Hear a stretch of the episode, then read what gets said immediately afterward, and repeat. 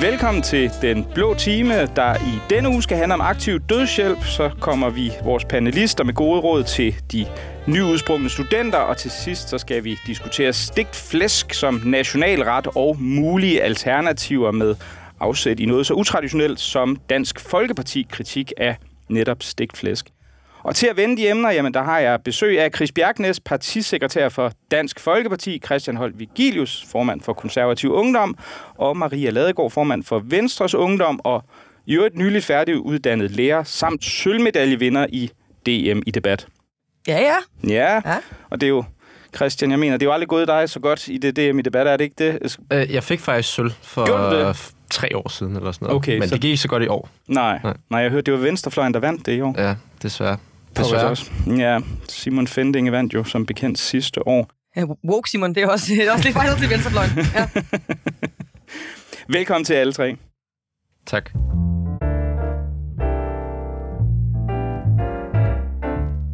Skal det være muligt at få afsluttet livet, hvis det enten er for smertefuldt eller på anden måde udholdeligt at leve videre? Spørgsmålet det er blevet aktuelt efter statsminister Mette Frederiksen i en tale på folkemødet lancerede, at hun ønsker, at aktiv dødshjælp skal være muligt i Danmark.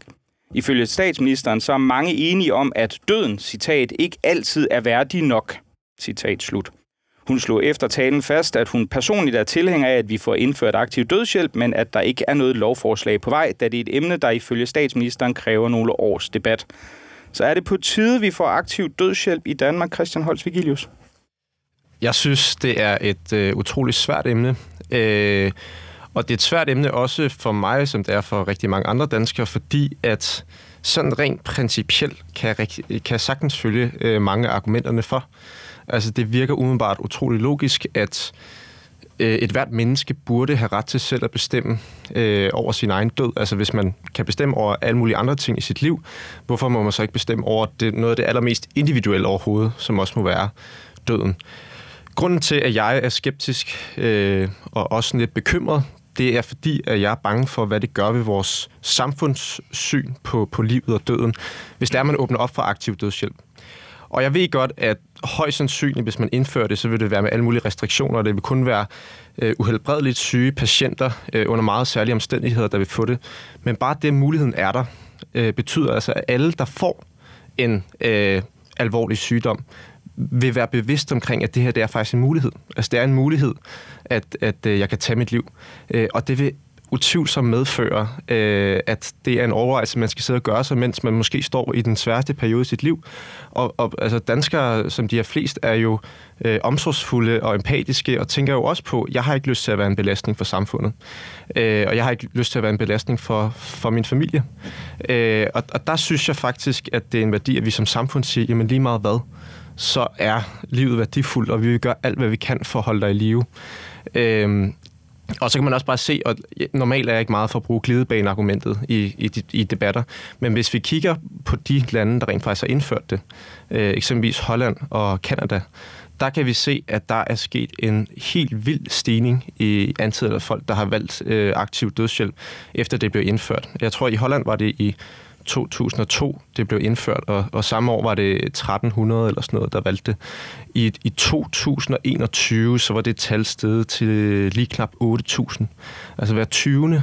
Øh, der dør i Holland om året, er, er ved hjælp af aktiv dødshjælp. Øh, Og i Kanada der er det også steget øh, på ganske få år fra, fra 1.000 til over 10.000. Og i Kanada kan man også se, at der er man også åbnet op for, over for, at det ikke kun er uhelbredeligt syge øh, patienter, men også øh, andre. Øh, jeg læste om sådan et eksempel med en, hvor man kunne se, at den mest alvorlige lidelse, hun havde, det, det var høretab. Øhm, og jeg synes bare, vi skal være meget, meget påpasselige med det her, fordi det, det gør noget ved øh, vores samfund. Lovgivning er normdannende, og lovgivning påvirker vores måde at tænke, øh, også om moralske og etiske spørgsmål. Og hvis man åbner op for den her ladeport, så synes jeg, at der er tilpas med, med empiri til rent faktisk at understøtte et argument om en etisk glidebane. Maria Ladegaard, altså man kan vel sige, øh, det at bestemme over sin egen mulighed for at dø, det er vel næsten den, den mest ultimative manifestation af individuel frihed. Så øh, som liberal, hvad, hvad tænker du i forhold til det her spørgsmål? Øh, jamen, jeg er jo øh, overrasket øh, meget øh, uenig med, med, med Christian. Jeg synes egentlig, han gør sådan nogle fine overvejelser også i forhold til øh, glidebaner, og er der så nogle mennesker, der kommer til at takke ja øh, til aktiv dødshjælp, selvom at de måske, øh, altså på på vegne af deres for deres pårørende skyld. Men når Christian siger, at livet er værdifuldt, så må man også holde fast i, at livet, livet godt kan værdifuldt, være værdifuldt og uværdigt samtidig. Og vi kan godt sidde og bilde os ind her, at det, at aktiv dødshjælp ikke er en praksis, der foregår i forvejen. Men det gør det jo.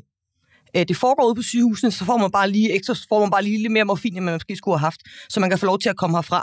Altså, vi har ældre mennesker i det her samfund, der stopper med at spise, for at få lov til at komme herfra. Det synes jeg godt nok er en meget uværdig måde at afslutte et sikkert rigtig dejligt liv på.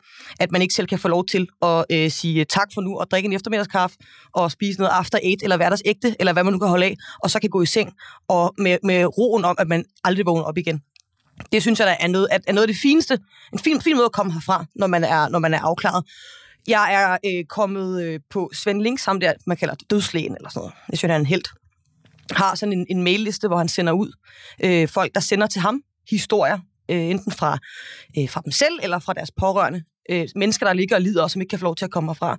Og jeg får nogle gange flere gange i ugen videre sendt de her fortællinger. Jeg synes, det er helt forfærdeligt, at der ligger så mange mennesker og lider, som hvis største ønske er at få lov til at komme herfra på en værdig måde.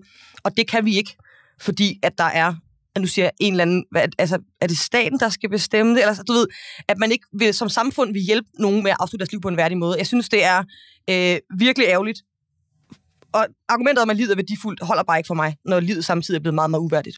Men hvad med det glidebane-argument? Fordi det er jo rigtigt, som, som Christian siger, altså vi kan, jo, vi kan jo se på nogle af de her eksempler. Altså i Holland mener jeg, der, der har man nu også legaliseret øh, aktiv dødshjælp til, til børn. Øh, man kan i flere lande få, få aktiv dødshjælp for, for, hvad skal vi kalde, ikke-terminale tilstande. Øh, det kan være svær depression, øh, demens, øh, som man jo ikke sådan direkte, i hvert fald i en række tilfælde, dør af. Altså, er, er der ikke en regel, og vi, altså jeg mener, Anna Libak har faktisk sågar i en klumme i weekendavisen redegjort for, at, øh, og jeg mener også, det er fra et af Benelux-landene, at, at der har været tilfælde, hvor der er en kvinde, som på et tidligere tidspunkt har sagt, at jamen, hun vil gerne øh, have udført aktiv dødshjælp, hvis hun blev øh, dement. Hun bliver så dement på et tidspunkt men modsætter sig så faktisk, når hun bliver spurgt, vil du have aktiv dødshjælp? Og så bliver hun så alligevel af, af sin familie øh, slået ihjel. Øh, ja. Anderledes kan man jo ikke sige det. Og det er vel et argument, der taler for, at der faktisk eksisterer en form for glidebane i det her. Jo, men jeg, man kan jo godt jeg synes egentlig, Mette Frederiksen siger noget klogt ved at sige, at det bliver ikke, der kommer ikke lovforslag i morgen, for det her tager noget tid at modne, og vi skal have de her debatter. Også for som, øh, som samfund og som øh, borgere på en måde at opsætte nogle fælles hegnspæle og sige, øh, hvor, i hvilken udstrækning synes vi, det her det er en fornuftig idé. Og jeg er svært ved at komme på argumenter imod øh, terminalsyge, øh, ældre, der har meget kort tid tilbage, at de ikke skal have lov. Mm. Jeg tror også, at den her debat, der kommer til at være øh, herfra, og så forhåbentlig fremad, jeg har svært ved at forestille mig, hvem der skal, hvem der skal foreslå, at øh, deprimeret eller, øh, eller børn skal have lov til at få aktiv dødshjælp. Men det må debatten jo afklare. Men jeg vil også sige, det er jo også lidt en mærkelig debat, fordi dem, der har haft glæde af aktiv dødshjælp, er jo ikke rigtig til stede i debatten, alt den stund, at de ikke er her længere. Så, så det er jo også lidt en, en, en debat, hvor vi er nogen, der antager noget, og så er der nogen, der er nogle pårørende, og så er der nogen, der har en eller anden historie med fra udlandet med en, der har været dement og sådan nogle ting. Altså dem, dem der har haft allermest glæde af at få lov til at komme fra på egen præmisser, kan jo ikke skrive et debatlæg om det. Chris, nu er fronterne jo ligesom øh, for og imod øh, øh, trukket op i hvert fald. Hvor står du i forhold til spørgsmålet? Jamen, jeg går ind for aktiv dødshjælp. Øhm, for mig er det også den ultimative frihed, men, men, men jeg synes egentlig, det er rigtigt, øh, den måde, de begge to formulerer sig på, fordi der, der, der er brug for nuancer i den her debat. Og når jeg siger, at jeg går ind for aktiv dødshjælp, så er jeg også enormt glad for, at der ikke er aktiv dødshjælp i morgen at vi ligesom får mulighed for at tale igennem, hvordan er det sådan i praksis, det her det skal fungere. Du nævner hegnspæl, Maria, og det er jo sådan set rigtigt. Hvad, hvad, hvad er det helt præcis, vi skal gøre? Altså, hvordan er det, vi formaliserer det her? Og det taler vi faktisk meget lidt om. Altså, vi taler egentlig mere om det her med, hvad er, øh, hvad er konsekvenserne, hvis der er nogen, der får det, som ikke skulle have det. Øh, men det er jo sådan set også nogle gode debatter at have, men, men vi, skal, vi skal prøve at bevæge os ind i en retning af, håber jeg, øh, når vi kommer om på den anden side af sommerferien. Fordi lige nu er det jo en debat, der drejer fremad. Der er et borgerforslag, statsministeren sætter det på dagsordenen. Det er noget, alle danskere tager en stilling til øh, i forvejen, men, men, men vi har ikke ligesom fundet ud af, hvad, hvad er det helt præcis, vi konkret gør. Øh, fordi det er enormt vigtigt. Får vi ramt et eller andet, der er fuldstændig ultimativt, hvor man siger, okay, det her, der kan alle ligesom stå inden for det, eller det her, det er ret og rimeligt etisk. Øh, det er jeg ikke sikker på. Øh, men, men, men, men hvis jeg kigger på, hvad vi har i dag, fordi det er jo fuldstændig rigtigt, i dag er der jo nogle gråzoner. I dag udfører man en form for aktiv dødshjælp, øh, jamen så åbner de vinduet til nogen, der har et øh, ualmindeligt dårligt øh, immunforsvar, og så, så får de en slem forkølelse, og så dør de stille og roligt i løbet af et par dage. Altså, der er masser af måder øh, i vores sundhedssystem, øh, man kan lave den her aktiv dødshjælp på i forvejen, og det er altså heller ikke optimalt. Altså, det er ikke optimalt over for det her plejepersonale, eller over for familien, eller for, for den person, der ligger der. Så, så der er jo en problematik, vi bliver nødt til at tage fat i.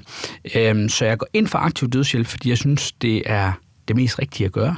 Men jeg ved faktisk ikke, for at være ærlig, hvordan vi skal lave hegnspæl Marias ord, hvordan det her kodex skal være. Og der håber jeg jo, at der er nogen, der er markant dygtigere og klogere end mig, der kan begynde at lave de her retningslinjer. Så første skridt for mig, jamen det er sådan set, øh, jeg vil gøre det. For Dansk Folkeparti er også vigtigt for mig at sige, der kommer vi til at sætte gruppen fri. Altså de kommer til at være splittet. Øhm, og, og det er jeg egentlig rigtig glad for, at øh, på, på sådan nogle etiske øh, spørgsmål, at, øh, at vi sætter gruppen fri. Fordi det er altså det er meget ømtåligt øh, emne. Det må man bare sige. Men i forhold til, hvor grænserne skulle gå, så kunne man jo, altså det kunne være vildt interessant at undersøge de læger, der i dag øh, hjælper folk herfra på en mere øh, værdig måde. Hvad, hvad er kendetegnet ved dem? At de lærerne også gør også nogle professionelle overvejelser i forhold til, hvad er det, hvornår åbner jeg så vinduet?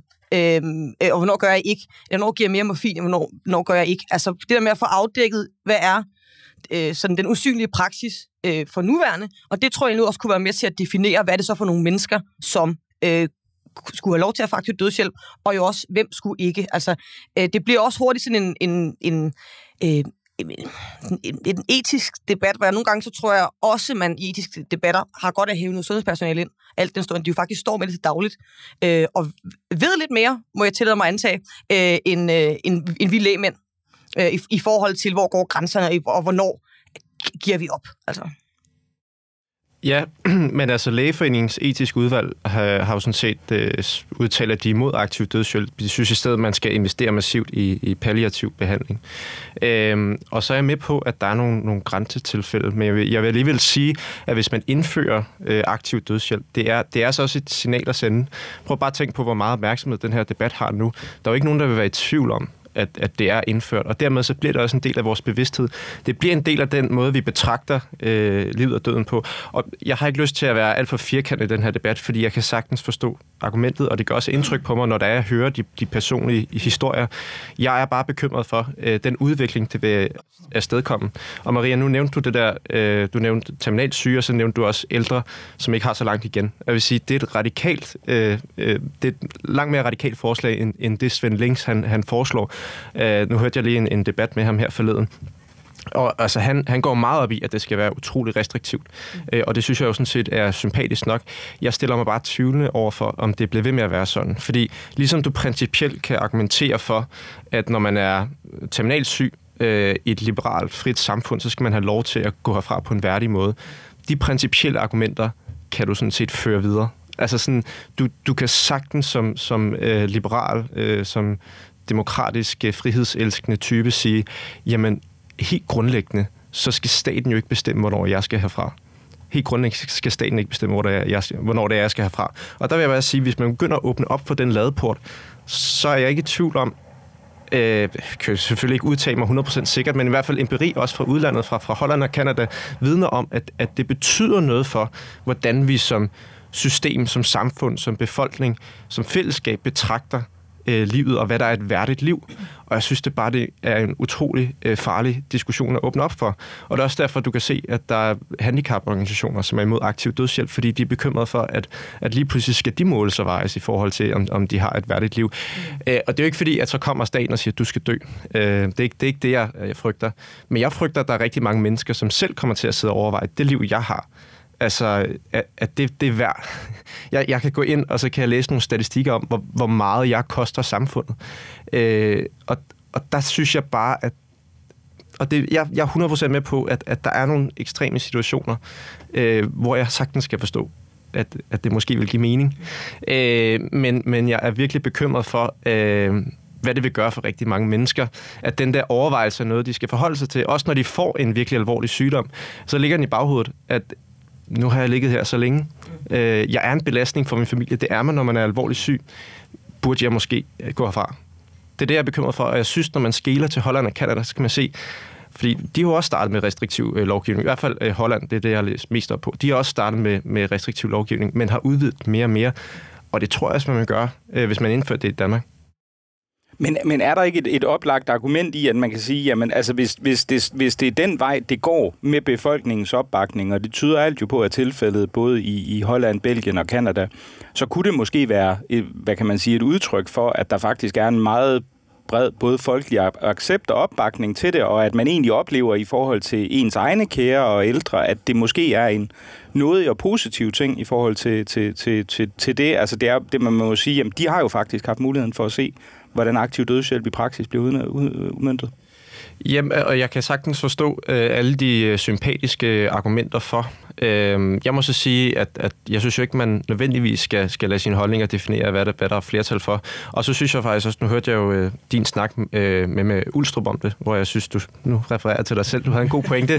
I, I dag er naturligvis den fuldstændig neutrale verden, der ikke har nogen holdninger, men det har jeg jo i andre sammenhæng. Jeg synes, det er en god pointe, det der med, at der er nok også mange danskere, der vil kunne se, at... Øh, jeg vil nok kunne komme i en situation, hvor jeg gerne vil tage mit eget liv. Øh, men når, når det så kommer til det, så er det nok ikke så mange, der rent faktisk vil gøre det. Og så, sådan tror jeg også, at man måske nogle gange både kan komme til at overvurdere og undervurdere ens egne øh, evner eller holdninger, eller hvad man siger. Øh, så må jeg bare sige, det, det er bare et, et virkelig stort et brud med det princip, øh, man har haft. Og det er også derfor, Folketinget har, har været tilbageholdende med det. Det er også derfor, etisk råd øh, fraråder det. Det er også derfor, øh, at Lægeforeningens e-, etiske udvalg fraråder det. Fordi at det er så stort et tema, og det er svært at forestille sig, hvis man rykker det her princip, at det ikke vil gøre noget ved den måde, vi betragter øh, livet og døden på det sagt, jeg har ikke lyst til at være firkantet omkring det her. Jeg kan sagtens forstå, jeg har heller ikke lyst til at skyde folk nogle motiver i skoene, fordi jeg kan sagtens forstå de sympatiske og principielle argumenter for det. Jeg er bare bekymret for fremtiden, øh, og, og jeg synes, det er berettiget, når man kigger på de lande, der har indført det. Jeg er sådan set øh, enormt glad øh, og på mange måder stolt, når jeg hører øh, Christian argumentere, fordi at de bekymringer, jeg har, øh, omkring det her er jo sådan set meget øh, lige dine, Christian. Øh, også det her med, hvad, hvad er det for et designersamfund, vi ender med at være? Altså, hvor man laver sin krop om, og hvis man så er syg og dårlig, så bliver man bare pakket væk på en eller anden mærkværdig måde. Øh, men, men, men det, der gør mig glad, det er sådan set, at der er nogle stærke og velargumenterede holdninger på, hvorfor man er modstander af det, øh, og hvad det er for nogle bekymringer, der kan være i det.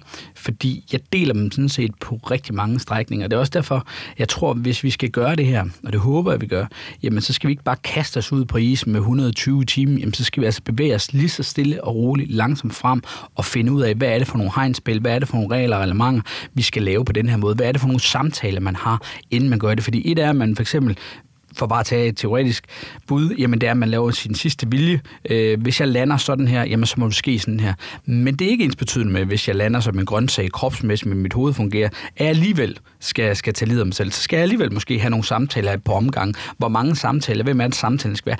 Alle de her ting tror jeg er enormt vigtigt. Og, og der vidner det bare for mig om, når vi har den her diskussion, fordi du er ikke alene, Christian, det er nogle stærke, gode argumenter, der kommer på det, og det, det, det, det får mig til at have en lille forhåbning om, at vi faktisk kan finde en løsning øh, og, og få den fin øh, justeret over de næste mange år. Øh, og lykkes det ikke, jamen, så tror jeg også, at øh, vi får skruet det tilbage og får fjernet det igen.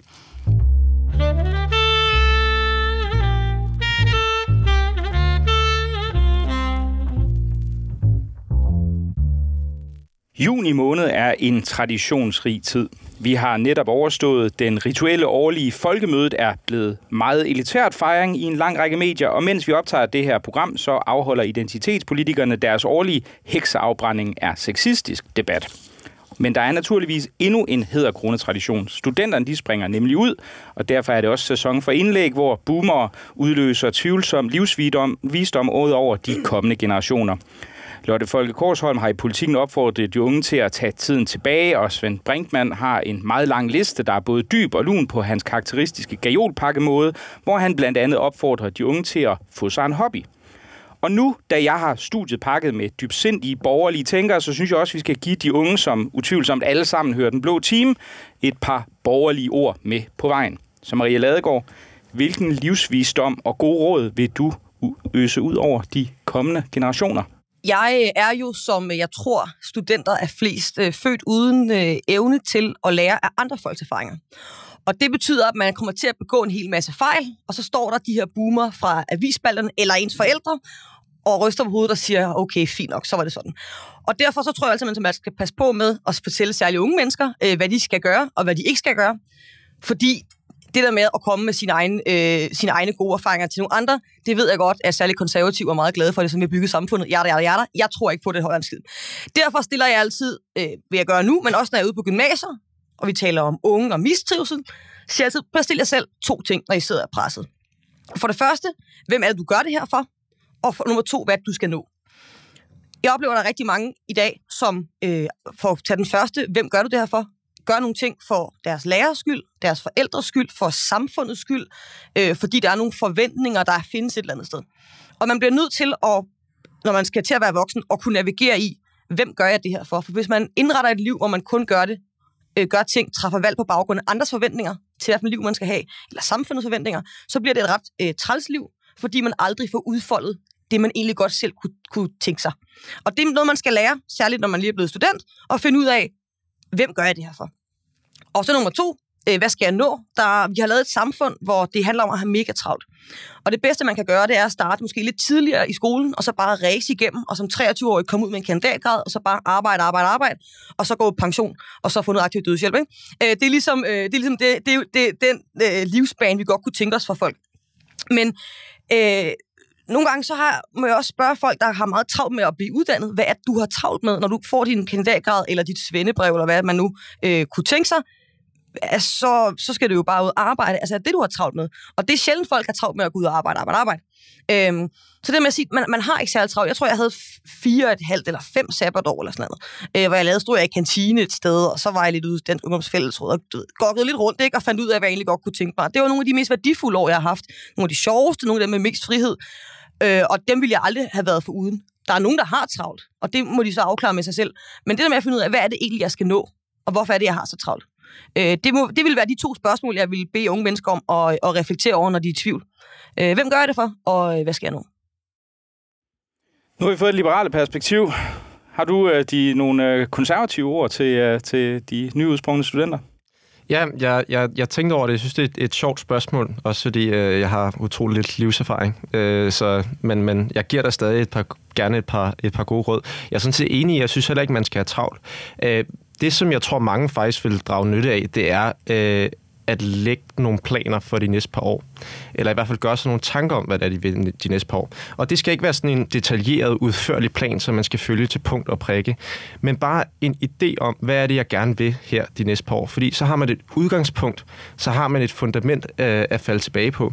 Og, og jeg tror, altså, det går også lidt imod sådan mange af de budskaber, der er det der med, at du skal bare tage tingene, som de kommer, øh, og øh, du skal passe på med at begrænse dig. Jeg tror, der er rigtig mange unge, og det var også min egen oplevelse, da jeg gik i gymnasiet, som er bange for at træffe nogle valg, eller som er bange for at sige, jeg vil gerne det her. Fordi når man så, øh, det der er logikken er, at hvis du træffer et valg, jamen så begrænser du også dig selv det betød bare, at der var rigtig mange unge øh, på min årgang, og jeg tror også generelt i, i samfundet, som ikke anede, hvad de ville med deres liv øh, og som, som gik rundt med som et stort øh, spørgsmålstegn. Og det er altså også en begrænsning. Det er altså også en begrænsning at gå og være forvirret over, hvad det er, man vil hele tiden. Øh, så jeg tror, man skal ikke være så bange for, rent faktisk at lægge en eller anden form for plan, og så kan man jo selvfølgelig afvige fra den, og altså, det, det er det samme, hvis når et fodboldhold går ind på banen, så har man også en eller anden form for slagplan. Det betyder ikke, hvis der er en, der bliver skadet, eller en, der bliver sendt ud, at man ikke forholder sig til den situation, der er. Øh, men, men, men hvis man går på banen uden at have en plan, jamen, så taber man 10-0. Ikke? Øh, så jeg, jeg tror faktisk, der er rigtig mange unge, som, som vil have godt af at tænke lidt over, hvad er det, jeg gerne vil her de næste par år, og så kan man altid afvige fra det. Jeg, jeg, jeg tog jo også selv to sabbatår, øh, og, og der havde jeg også gjort mig nogle tanker om, sådan, jeg vil gerne have to sabbatår, jeg vil gerne arbejde lidt, jeg vil gerne øh, på højskole, og jeg vil også gerne rejse lidt. Det er jo ikke fordi, at så mit, øh, mit øh, liv totalt øh, bokset ind i en firkant. Altså, der er også lidt øh, rum til at spille øh, indenfor. Øh, og så havde jeg en idé om, jeg gerne ville læse statskundskab.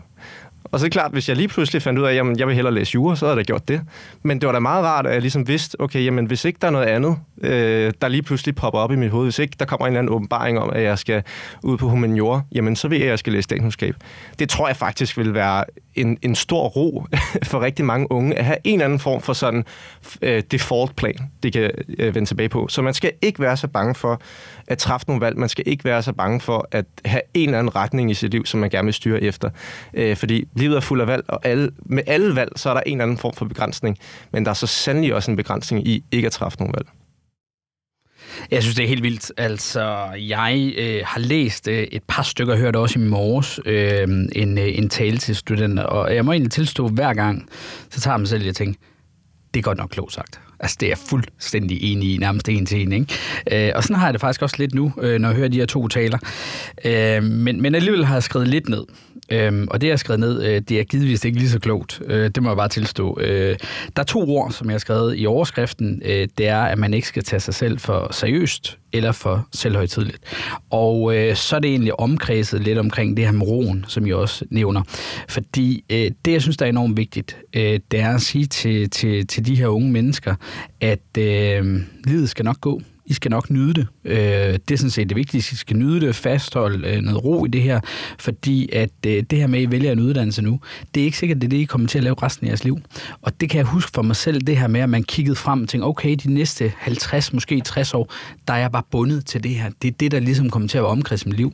Det kan godt være, at det ender med at være sådan, men, men livet tager en masse forskellige drejninger, og det skal man egentlig bare tage stille og roligt. Så det her med at, at finde noget ro og nyde øh, nyde det at være lidt mere i nuet, og, og finde ud af, hvad er det, jeg har lyst til lige nu og her. Så kan jeg altid lave en anden, øh, en anden øh, slå en anden vej på, på, på et senere tidspunkt, hvis jeg har lyst til noget andet. Fordi øh, det er jo noget af det fantastiske i det her velfærdssamfund, jamen det er jo, at vi, vi har faktisk mulighed for efteruddannelse. Det kan godt være, det koster nogle penge, og det kan godt være, at der er nogle andre øh, forhindringer øh, senere hen, men, men, men, men vi skal nok finde noget, der giver mening for os selv at lave øh, for det meste. Øh, det har de fleste danske egentlig mulighed for. Så det her med, at man tager sig selv lidt for seriøst, øh, det tror jeg er farligt øh, i en tidlig alder. Øh, og det er farligt generelt, og det er generelt heller ikke verdens mest øh, charmerende træk, hvis man hele tiden render rundt og tager sig selv for seriøst og for selvhøjtidligt. Øh, så, så jeg tror bare, at man skal, skal prøve at nyde det, og så vælge det, man har lyst til nu. Øh, og så ikke være bange for at fejle, som Maria også siger. Det er jo en af de vigtigste ting. Det er jo den, det er den bedste måde at lære på, men det er bare, at man render rundt og laver en masse fejl. Maria Ladegaard, jeg kunne se, at du sad og, og, og tog noter sådan i, øh, i vildskab derovre. Jeg er sådan lidt, lidt spændt på, hvad der var dit, dit, dit spark i den. Øh. Ja, nogle gange, når foregår der noget op i mit hoved, så skriver jeg det lige ned, og så noget af det giver mening, noget af det giver ikke mening. Men jeg sad og kom til at tænke på, at jeg var til min øh, fætter studentergilde sidste år, eller for i år. Hans mor holdt sådan en fin tale, hvor hun sagde, apropos noget med råd til studenter, hun sagde, det er, det er ofte dem, der træffer valg, der også bliver heldige. Altså det eneste, der er dummere end, end, end at træffe dårlige valg, det er ikke at træffe nogen. Øh, for du kommer aldrig nogen steder, hvis man bare sidder der og ikke træffer nogen valg.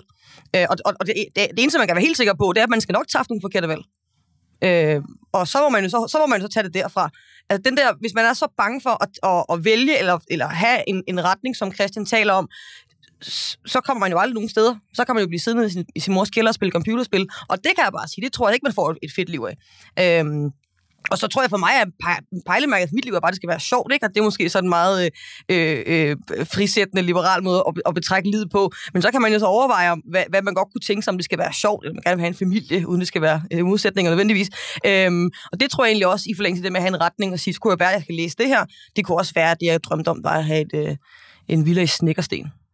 Men, men nu kan man sige, måske undtagende øh, Christians opfordring til, til ligesom at lægge en, en plan, så er det jo sådan meget et spørgsmål om, tag det roligt, øh, livet er langt og, og så videre. Men, men hvis vi kigger på det danske unge, er jo sådan på europæisk plan, vi er nogle af de absolut sent, senest uddannede. Vi har en super dyr velfærdsmodel, som egentlig kræver, at folk ligesom medvirker på arbejdsmarkedet i, i, en, eller anden, øh, i en eller anden udstrækning. Så jeg mener, kunne man ikke måske godt lige være en lille smule konservativ og sige, måske nøjes med lige det der halve år, hvor du så kan tage på Interrail, og så se dig komme i gang med en uddannelse. Var det, var det måske ikke det, som ungdommen havde brug for at høre af til? Øh, nej, nej, det ved jeg ikke. Jeg tror, jeg, jeg, blevet, jeg tror, jeg er blevet fortalt de sidste øh, 20 år, og det er da dejligt, hvis vi alle sammen skulle tage ansvar, men, men jeg har det også sådan, jeg kommer ikke til at redde folkeskolen ved at gå derud ene mand.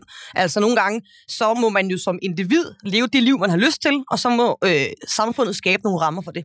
Altså, vi kan jo ikke alle sammen gå, vi kan jo ikke alle sammen gå rundt med, med, øh, med, sådan, med sådan en stor sæk af skyld på ryggen over, at ældreplejen sejler, og velfærdssamfundet øh, går dårligt, og vi er sent uddannet. At det må simpelthen være nogle voksne, der tager sig af. Det, vi, vi, vi jo nok også have været venstreorienteret, hvis vi havde gået rundt med den sæk skyld på skuldrene. Du markerede, Christian? Ja, altså det er fordi, jeg, jeg, jeg prøver jo altid at pakke mine konservative, reaktionære holdninger ind i, i en sympatisk façon. øh, og det var, det var sådan set også det, jeg gjorde før. Fordi, når, og jeg mener det, når jeg siger det, at det der med, at, at jeg tror, det kan give noget ro at, øh, at lægge en plan. Øh, og jeg, jeg tror også, at, øh, og, og jeg mener det også, når jeg siger, at man ikke skal have travlt. Men jeg er så også helt sikker på, at hvis der var flere, der tænkte lidt over, hvad de ville, hvis der var lidt flere, der lagde nogle planer for deres liv, jamen, så ville der også være færre, der tog øh, en masse sabbatår. Altså, man skal jo tage de sabbatår, man har brug for, men problemet er jo, hvis der er nogen, der tager øh, en masse sabbatår, øh, fordi de ikke ved, hvad de vil.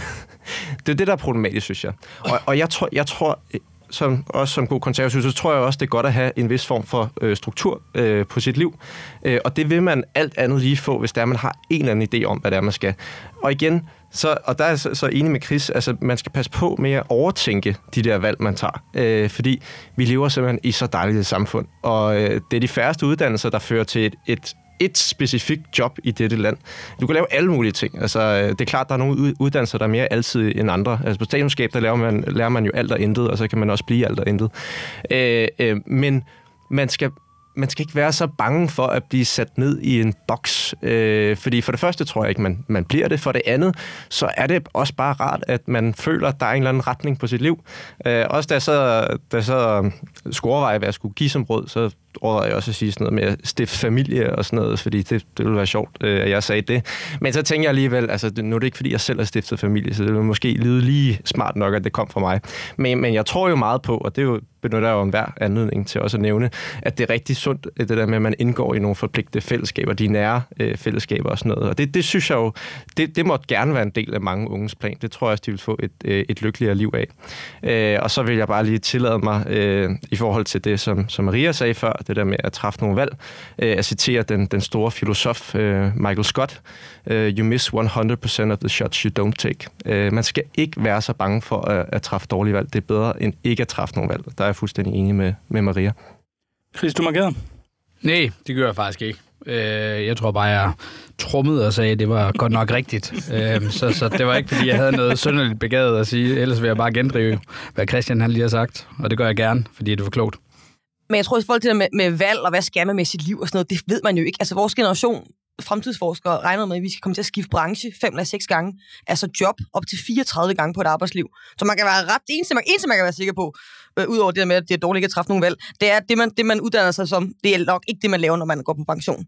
Og det er da dejligt, og så skal man sådan kunne navigere i, det mulighed, i de muligheder, men man kan ikke overskue arbejdsliv alligevel. Så man må bare starte med at sige, godt, hvad vil jeg gerne nu? Og så må man så se, hvad, hvad, altså, hvad fremtiden bringer.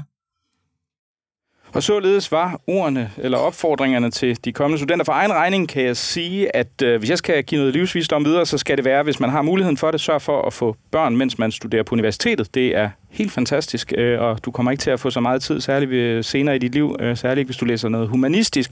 Og derudover, overvej at gå i bad om aftenen. Jeg har, jeg har altid gået i bad om morgenen, men jeg kom til at læse en Twitter-tråd på et tidspunkt, øh, hvor folk påpegede, hvor der var en, der påpegede meget korrekt, prøv at tænke over alt det sved og sådan snavs fra hele dagen, man tager med ind i sin seng. Og siden, siden jeg læste det, der har jeg altid sådan også gået i bad om aftenen, bare for at være på den sikre side. Så jeg tror, den, den idé, den sidder lidt fast i hovedet på os på lytterne nu. Overvej det engang.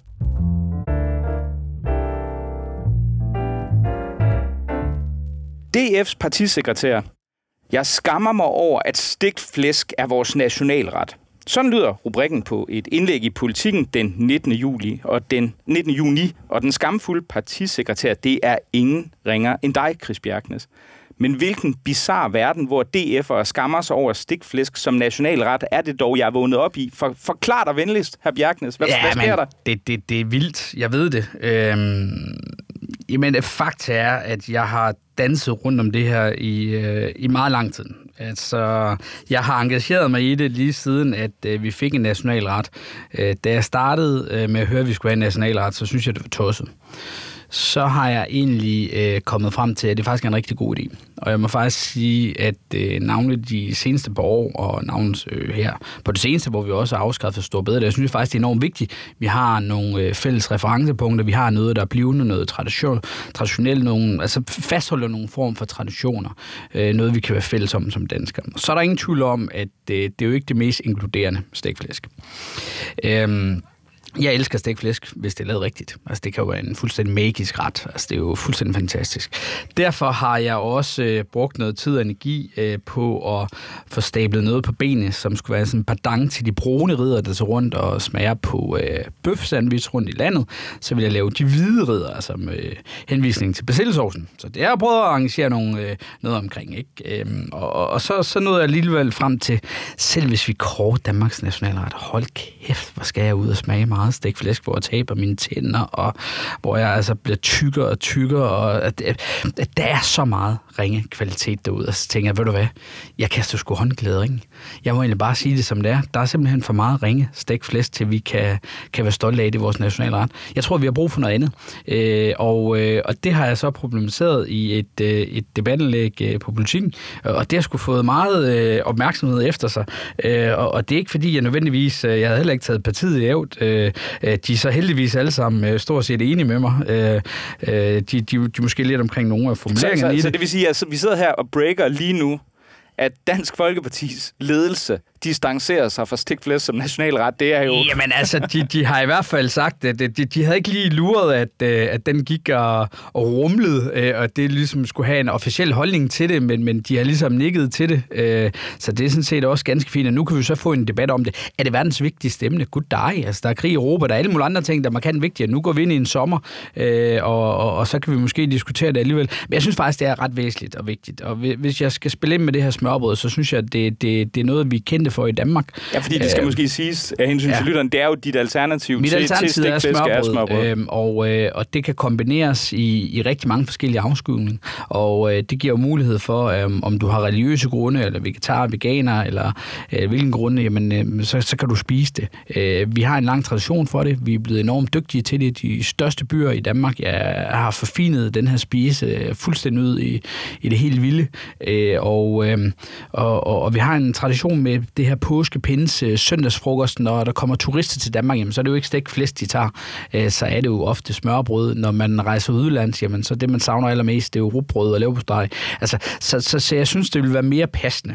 Øhm, og, øh, og, og det er blevet min lille stille kamp. Øh, altså, nu skrev jeg det. Altså, det, det har virkelig rumsteret i mig, øh, men, men jeg havde sgu egentlig ikke lige spekuleret ret meget over det. Jeg havde sådan set stort set glemt det, øh, indtil jeg lige opdagede, at den, det var havnet i politikken, og så blev jeg ellers bestormet af alle mulige journalister, og så, så kunne jeg godt se, at sådan intellektualiseret havde jeg sådan set ikke, og måske havde det også været god stil lige at orientere resten af folketingsgruppen, uden jeg blæste det her ud. Øh, så, så, så det er også kommet lidt bag på mig, hvor meget opmærksomhed det har fået. Øh, men, men, men jeg står nu ved det alligevel. Altså jeg kan godt sige, at du var den første, jeg legnede op til det her program, fordi jeg sagde, at det her, det skal vi diskutere. Der har været vild debat inde på, på redaktionen også øh, for anledet af det her. Det er jo altså, når, når DF'erne distancerer sig fra det stigte flæsk, så, så er der ikke noget, der står længere. Men, men jeg må jo sige, at jeg har en vis forståelse for smørbrødet også i den her scene. Men jeg ved ikke, hvad tænker du, øh, Maria? Er det, øh, er det et bytte øh, af nationalret, som du ligesom kan endorse? Jeg må starte med at sige, jeg tror, det her segment i den her podcast har potentiale til at være sådan noget, folk de cykler rundt og skriger og griner over på cykelstien. For jeg synes,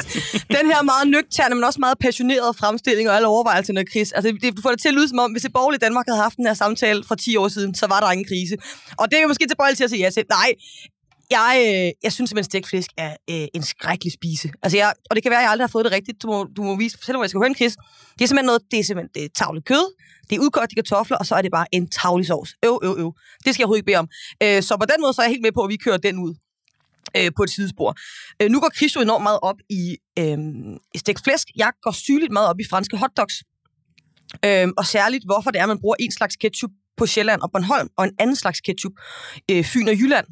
Og, og jeg har fået en Zetlands-journalist til at begynde at undersøge, om det er, hvad, hvad der er, er, er galt med det. Så hvis vi nu skulle vælge en, en nationalret øh, andet end stikflæsk, og den er vi så blevet enige om skal ud, så vil jeg øh, foreslå en øh, hotdog. Og der tror jeg måske, kort at han bliver sådan lidt... Øh, er det ikke ham, der øh, er ude? Jo, det er kort, der er ude. Så øh, kan vi kalde det en, en varm hund. Det vil han nok, ja. ja, det ja. vil han nok, og jeg er heller ikke sikker på, at han vil, han vil endorse, øh, og nu kommer jeg også til at tale ja, endnu, endnu mere engelsk, det, det, er jo, det er jo helt skidt, men, men det er jo en, en, en, en meget øh, karakteristisk amerikansk øh, øh spise, ja. hvor, hvor ja. Krises øh, alternativ her vel er øh, egentlig nærmest unikt dansk. Ja, men, men kan du huske fra nogle år siden, hvor pølsevognen fyldte 100 år eller 50 år, hvad det var.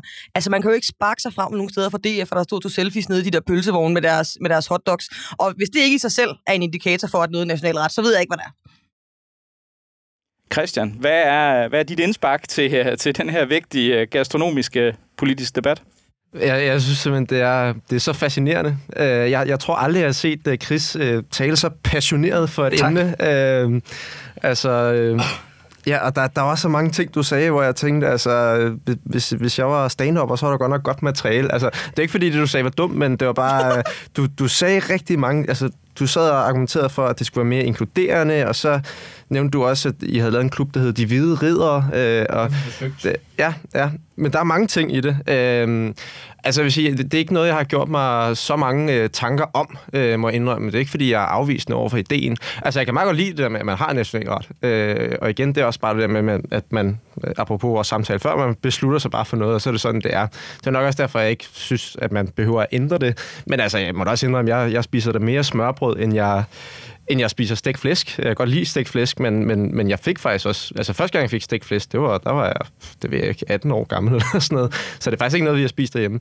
Øh, så smørbrød, jo, det kunne da være meget lækkert. Jeg vil så sige, det er jo en lidt ukonkret kategori. Altså, det kan jo være alt mellem øh, himmel og jord. Øh, altså, fransk hotdog, den er jeg simpelthen ikke helt med på. Altså, for det første, så er der fransk i navnet, for det andet, så... Øh, det var bare en almindelig hotdog. Ja, ja men det, det kan godt være, at jeg er lidt på Jarl Korto af holdet, oh. øh, det, holdet der. Øh, jeg, sy, jeg synes også, det skal være et dansk navn. Men jeg må sige, at jeg, jeg beundrer meget din, din passion for det her emne, Chris. Øh, jeg takker. Ja. Har I meget at lave DF? Ja. Nej, men altså, det, det, det har jo været min egen øh, personlige kamp. Øh, men, men der er jo heldigvis kommet mange øh, positive øh, reaktioner på det. det. Det må jeg faktisk, øh, det må jeg faktisk sige. Øh, der har også været øh, et par minister, der har skrevet til mig, for det ikke skal være løgn.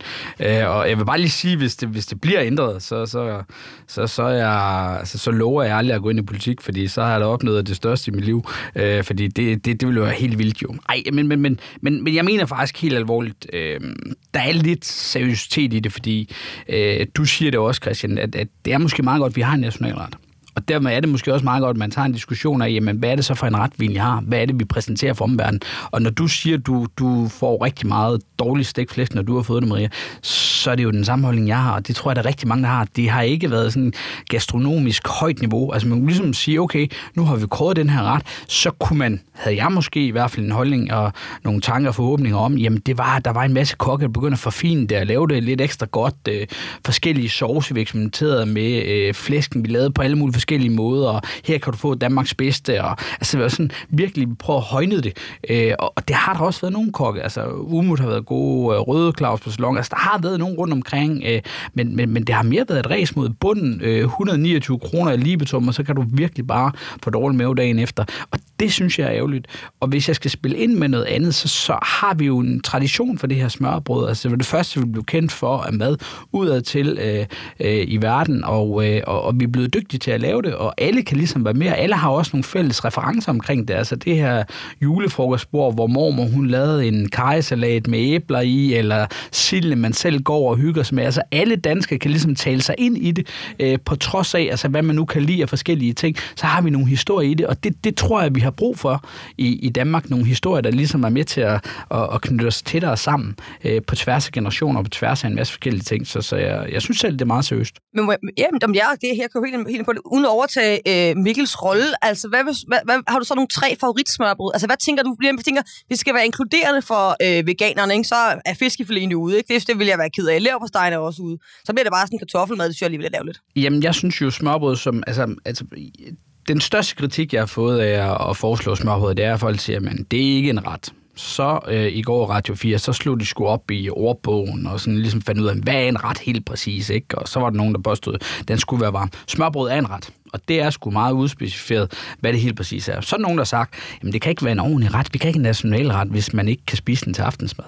Hold nu op. Der er masser, der spiser smørbrød til aftensmad og til frokost. Og der er så går nogen, der spiser til morgenmad og til natmad oven i købet og styrlægen. Alle mulige forskellige ting. Øh, og, og for mig er det ikke sådan, at vi skal udvælge tre. For mig er det sådan set, øh, altså det kan inkludere alle. Altså fordi, at man virkelig, ligegyldigt hvad du kan lide, øh, altså hvis du ikke kan lide råbrød, så er det selvfølgelig lidt ærgerligt, men, men, men så, er der så, så, så må du tage tilbehøret til, ikke? Så alle kan ligesom være med på det, øh, og de her historier, vi kan tilknytte, det, det er jo fantastisk. Jeg har selv min favorit, jeg har også min favorit steder. Jeg render jo rundt i København på et eller andet snakkejob, hvor jeg flytter rundt på nogle ting, så jeg er hele tiden ude og spise frokoster på nye smørbrødsrestauranter, og jeg vælger jo stort set det samme alligevel, men om 10 år, så vælger jeg givetvis noget andet jo. Hvad vælger du?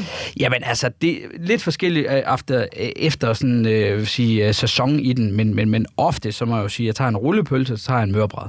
Altså, det, det er jeg meget begejstret for. Øhm, og, og, jeg er meget glad for Slotskælderen. Altså, deres lammerullepølse, den er fremragende.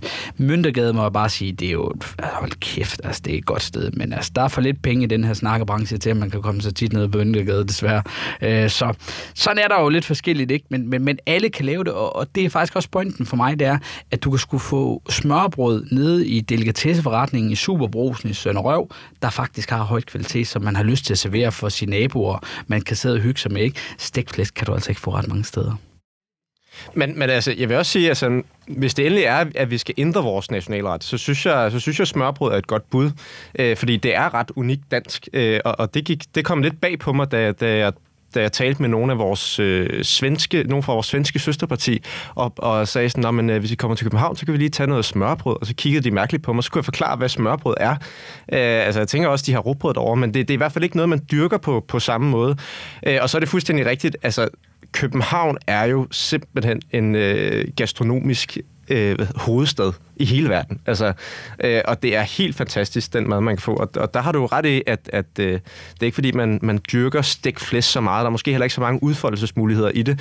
Øh, men jeg synes, jeg synes simpelthen, det er så sjovt at høre en DF sidde og, og argumentere for, at øh, jamen, vi skal ikke have sådan en ret, der, der er sådan bundsk, eller sådan, som, vi, skal, vi skal have noget, der er mere delikat, øh, som det er sådan lidt, det, øh, det, det er sådan lidt en elitær vibe, men, øh, men jeg synes ja, også, måske, det kan noget. men, men jeg synes, altså, nu er du selv konservativ, men, men, men, men det Jamen, der vi, vi, står, vi står ved at være e- elitær. Så ja, ja, og, ja, okay, øh, fair nok. Øh, men, men, men, men det, der er vigtigt for mig, det er jo, at hvis man skal have en national ret, som folk ligesom tager ejerskab over, ligesom siger, okay, nu i aften, så er der sgu valg, folketingsvalg, så spiser vi alle sammen det samme, eller nu holder vi den her frokost, nu skal vi fandme på med nationalretten, så alle ligesom er enige om, det er det, det, vi laver nu, ikke? Sammen. Og det, det er jo med til at knytte sammen på tværs af generationer, hvor man kommer fra land. Alle de forskellige ting, det, det styrker sammenhængskraften et eller andet sted.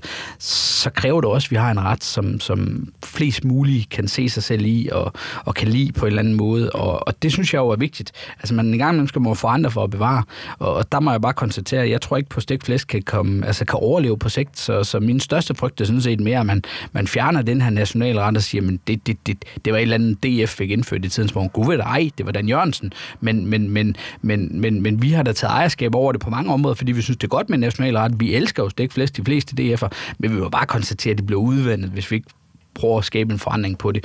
Øhm, og så, så er der nogen, altså der er også drillet, det er knæfald for islam. Ja, okay, så er det knæfald for islam. Du kan spise rullepølse, du kan spise mørbrad, leverpostej, du kan spise flæsteg, du kan spise masser af svin. Øh, så tag det roligt, det er ikke noget knæfald for islam, men vi bliver nødt til at sikre, at øh, hvis retten skal bestå i fremtiden, at øh, vi skal forandre det. Jeg tror ikke på, at stikflæsk overlever.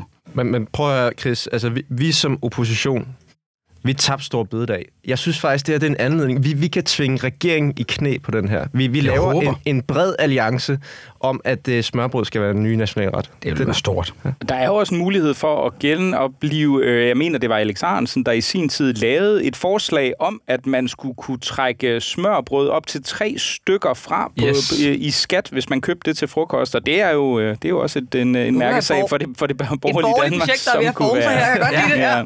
Men jeg må jo sige, Chris, jeg er jo trods den påtagede farvelse, jeg er jo fuldstændig enig, jeg er jo en, en stor ynder af smørbrød, som jo i øvrigt er en af de fascinerende retter, der er, der er gået fra at være egentlig proletarmad. Det var jo ikke specielt fint at spise smørbrød tilbage i 70'erne og 80'erne. Der var det sådan noget, du fik til, til Moster Olgas øh, fødselsdag eller noget i den stil. Og nu er det jo, kan man jo nærmest ikke slå sig frem for, for virkelig gode restauranter her i København. Jeg må jo sige, selv er jeg meget, altså jeg vil sige, hvis man kommer til København og har muligheden, så skal man tage ud på Ravelinen ude ved Christianshavn og nyde solen og udsigten over, over øh, voldene der. Desværre kan man sige, at til kan man se nogle hippier fra Christiania ude i horisonten, men hvis man vender blikket væk, så kan man forhåbentlig ignorere dem. Øh. Men øh, jeg støtter i hvert fald. Jeg vil, det vil jeg gerne sige. Jeg tager min, min tilstræbte objektivitetshat af og siger, at naturligvis bør det være smørbrød, der bliver Danmarks nationalret. Så mange var ordene i dagens blå time. Tusind tak, fordi I kom. Chris Bjergnes, Christian Holst Vigilius og Maria Ladegaard.